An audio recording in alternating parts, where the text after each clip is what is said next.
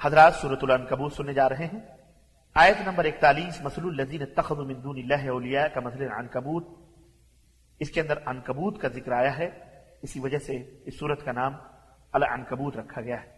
یہ انتیس نمبر کی صورت ہے، مکی ہے، اس میں انہتر آیتیں اور سات رکو ہیں۔ اس کا زمان نزول، اس بارے میں علماء کے تین اقوال ہیں۔ ایک قول یہ ہے کہ پوری صورت مکی ہے۔ دوسرا قول یہ ہے کہ پوری صورت مدنی ہے۔ اور تیسرا قول یہ ہے کہ شروع کی دس آیتوں کے سوا باقی پوری صورت مکی ہے۔ اکثر لوگوں کی رائے یہی ہے کہ پوری صورت مکی ہے اور ابتدائی صورت میں نفاق اور منافقین کا جو ذکر آیا ہے، تو اس سے مراد مکی دور کے بعد وہ کمزور ایمان والے مسلمان ہیں جو کفار مکہ کے ڈر سے منافقانہ رویہ اختیار کرتے تھے۔ بعض علماء تفسیر نے لکھا ہے کہ یہ صورت ہجرت حبشہ سے پہلے نازل ہوئی تھی، جب کفار نے مسلمانوں پر عرص حیات تنگ کر دیا تھا۔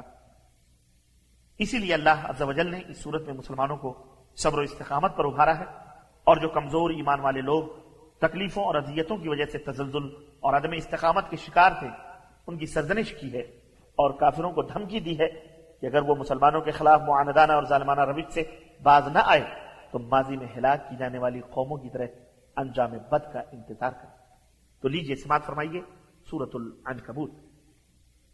بسم اللہ الرحمن الرحیم اللہ کے نام سے شروع جو بڑا مہربان نہایت رحم والا ہے الف لام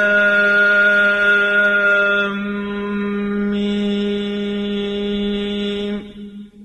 احسب الناس ان يتركوا ان يقولوا آمنا وهم لا يفتنون الف لام میم۔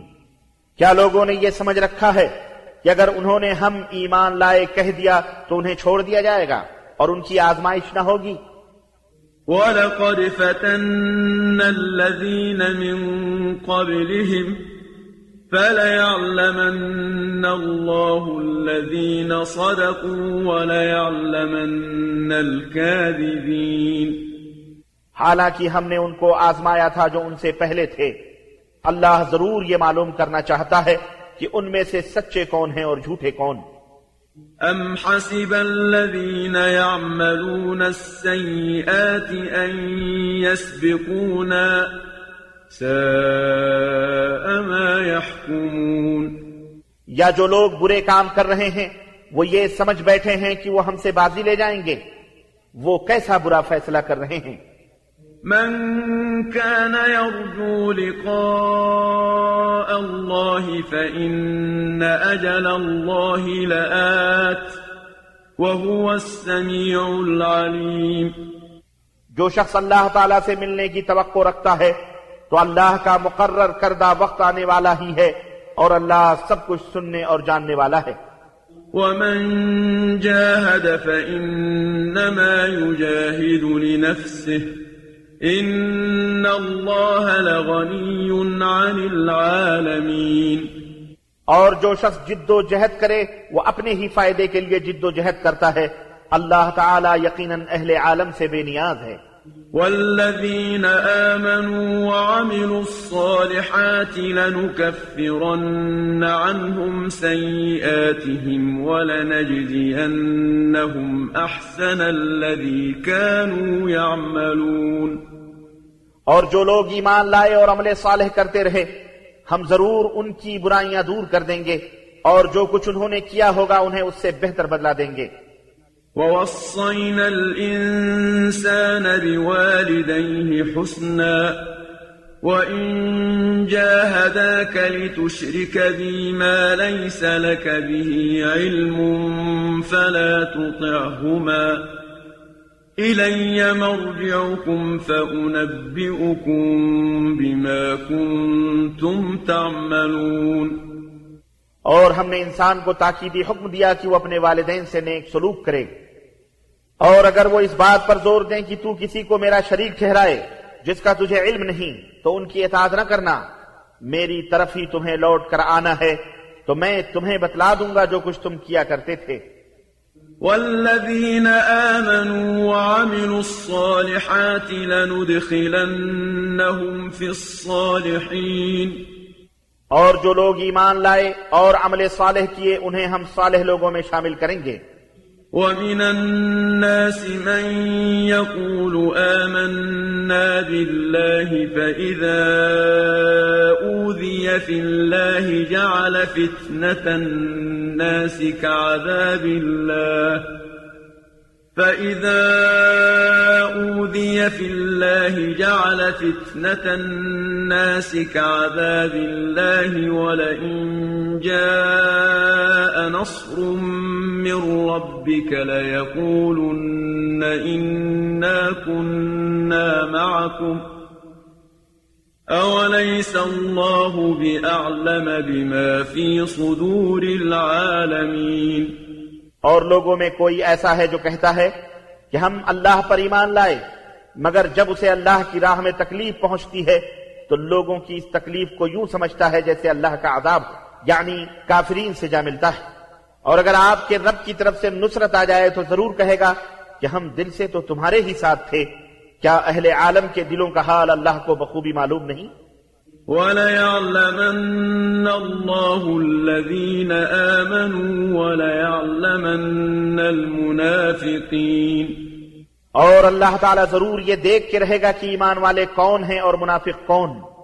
وقال الذين كفروا للذين آمنوا اتبعوا سبيلنا ولنحمل خطاياكم وما هم بحاملين من خطاياهم من شيء إنهم لكاذبون اور کافر ایمان والوں سے کہتے ہیں کہ تم ہمارے طریقے کی اتباع کرو تو ہم تمہارے گناہوں کا بار اٹھا لیں گے۔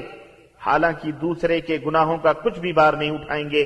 یہ سراسر جھوٹے وَلَيَحْمِلُنَّ أَثْقَالَهُمْ وَأَثْقَالًا مَعَ أَثْقَالِهِمْ وَلَيُسْأَلُنَّ يَوْمَ الْقِيَامَةِ عَمَّا كَانُوا يَفْتَرُونَ. یہ اپنے گناہوں کے بوجھ تو اٹھائیں گے اور ساتھ دوسرے بوجھ بھی اٹھائیں گے اور جو یہ افطرا کرتے رہے یوم قیامت اس سے متعلق ان سے ضرور سوال ہوں گے۔ وَلَقَدْ أَرْسَلْنَا نُوحًا إِلَىٰ قَوْمِهِ فَلَبِثَ فِيهِمْ أَلْفَ سَنَةٍ إِلَّا خَمْسِينَ عَامًا فَأَخَذَهُمُ الطُّوفَانُ وَهُمْ ظَالِمُونَ اور ہم نے نوح کو اس کی قوم کی طرف بھیجا تو وہ پچاس برس کم ایک ہزار سال ان کے درمیان رہے۔ پھر ان لوگوں کو طوفان نے آ گھیرا کہ وہ ظالم تھے۔ فأنجيناه وأصحاب السفينة وجعلناها آية للعالمين. پھر ہم نے نوح کو اور کشتی والوں کو اس طوفان سے بچا لیا اور کشتی کو اہل عالم کے لیے ایک نشانی بنا دیا۔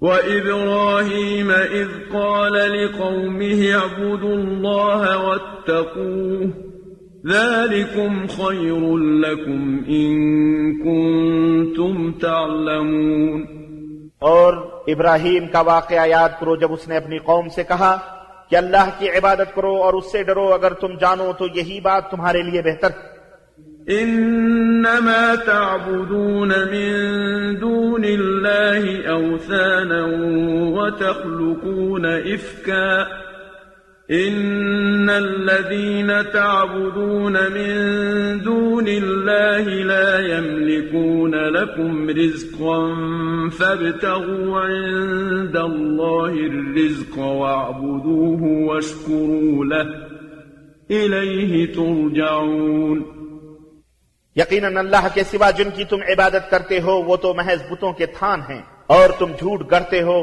اور جن کی تم اللہ کے سوا عبادت کرتے ہو، وہ تمہیں رزق دینے کا اختیار نہیں رکھتے۔ لہذا اللہ سے رزق مانگو، اسی کی عبادت کرو اور اسی کا شکر کرو۔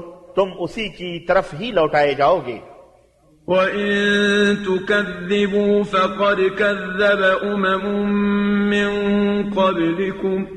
وَمَا عَلَى الرَّسُولِ إِلَّا الْبَلَاغُ الْمُبِينُ اور اگر تم جھٹلاتے ہو تو تم سے پہلے بھی کئی امتیں اپنے رسولوں کو جھٹلا چکی ہیں۔ اور رسول کے ذمہ تو صرف صاف صاف پیغام پہنچانا ہی ہے۔ اولم يروا كيف يبدئ الله الخلق ثم يعيده إن ذلك على الله يسير۔ کیا انہوں نے دیکھا نہیں کہ اللہ تعالیٰ کس طرح خلقت کی ابتدا کرتا ہے پھر کس طرح اعادہ کرتا ہے؟ یقیناً یہ اعادہ اللہ پر سہل ہے۔ قل سيروا في الأرض فانظروا كيف بدأ الخلق ثم الله ينشئ النشأة الآخرة إن الله على كل شيء قدير۔ آپ ان سے کہیے کہ زمین میں چل پھر کر دیکھو کہ اللہ نے کس طرح مخلوق کو پہلی بار پیدا کیا پھر وہی دوسری دفعہ اٹھا لے گا۔ اللہ تعالیٰ یقیناً ہر چیز پر قادر۔ يعذب من يشاء ويرحم من يشاء وإليه تقلبون۔ وہ جسے چاہے سزا دے اور جس پر چاہے رحم کرے اور تم اسی کی طرف لوٹائے جاؤ گے۔ وما أنتم بمعجزين في الأرض ولا في السماء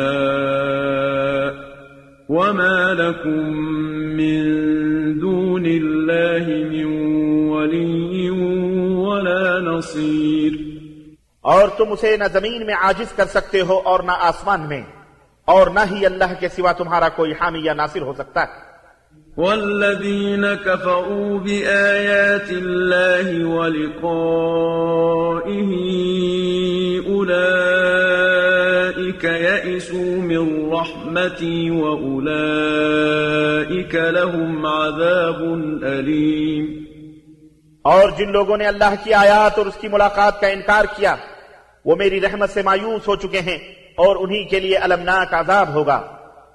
فما كان جواب قومه إلا أن قالوا اقتلوه أو حرقوه فأنجاه الله من النار إن في ذلك لآيات لقوم يؤمنون تو ابراہیم کی قوم کا جواب اس کے سوا کچھ نہ تھا کہ انہوں نے کہہ دیا کہ اسے مار ڈالو یا جلا ڈالو، پھر اللہ نے اسے آگ سے بچا لیا۔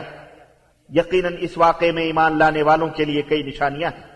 وقال إنما اتخذتم من دون الله أوثانا مودة بينكم في الحياة الدنيا ثم يوم القيامة يكفر بعضكم ببعض ويلعن بعضكم بعضا ومأواكم النار وما لكم من ناصرين اسی طرح ابراہیم نے ان سے کہا، تم نے دنیا کی زندگی میں تو اللہ کو چھوڑ کر اسنام کو آپس میں محبت کا ذریعہ بنا لیا ہے مگر یوم قیامت تم ایک دوسرے کا انکار کر دو گے اور ایک دوسرے پر لانت بھیجو گے اور تمہارا ٹھکانہ آگ ہوگا اور تمہارا کوئی مددگار نہ ہوگا۔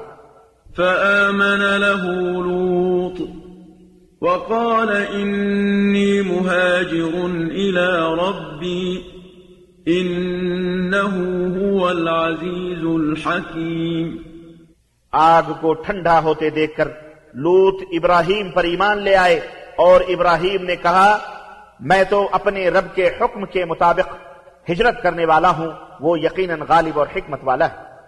وَوَهَبْنَا لَهُ إِسْحَاقَ وَيَعْقُوبَ وَجَعَلْنَا فِي ذُرِّيَّتِهِ النُّبُوَّةَ وَالْكِتَابَ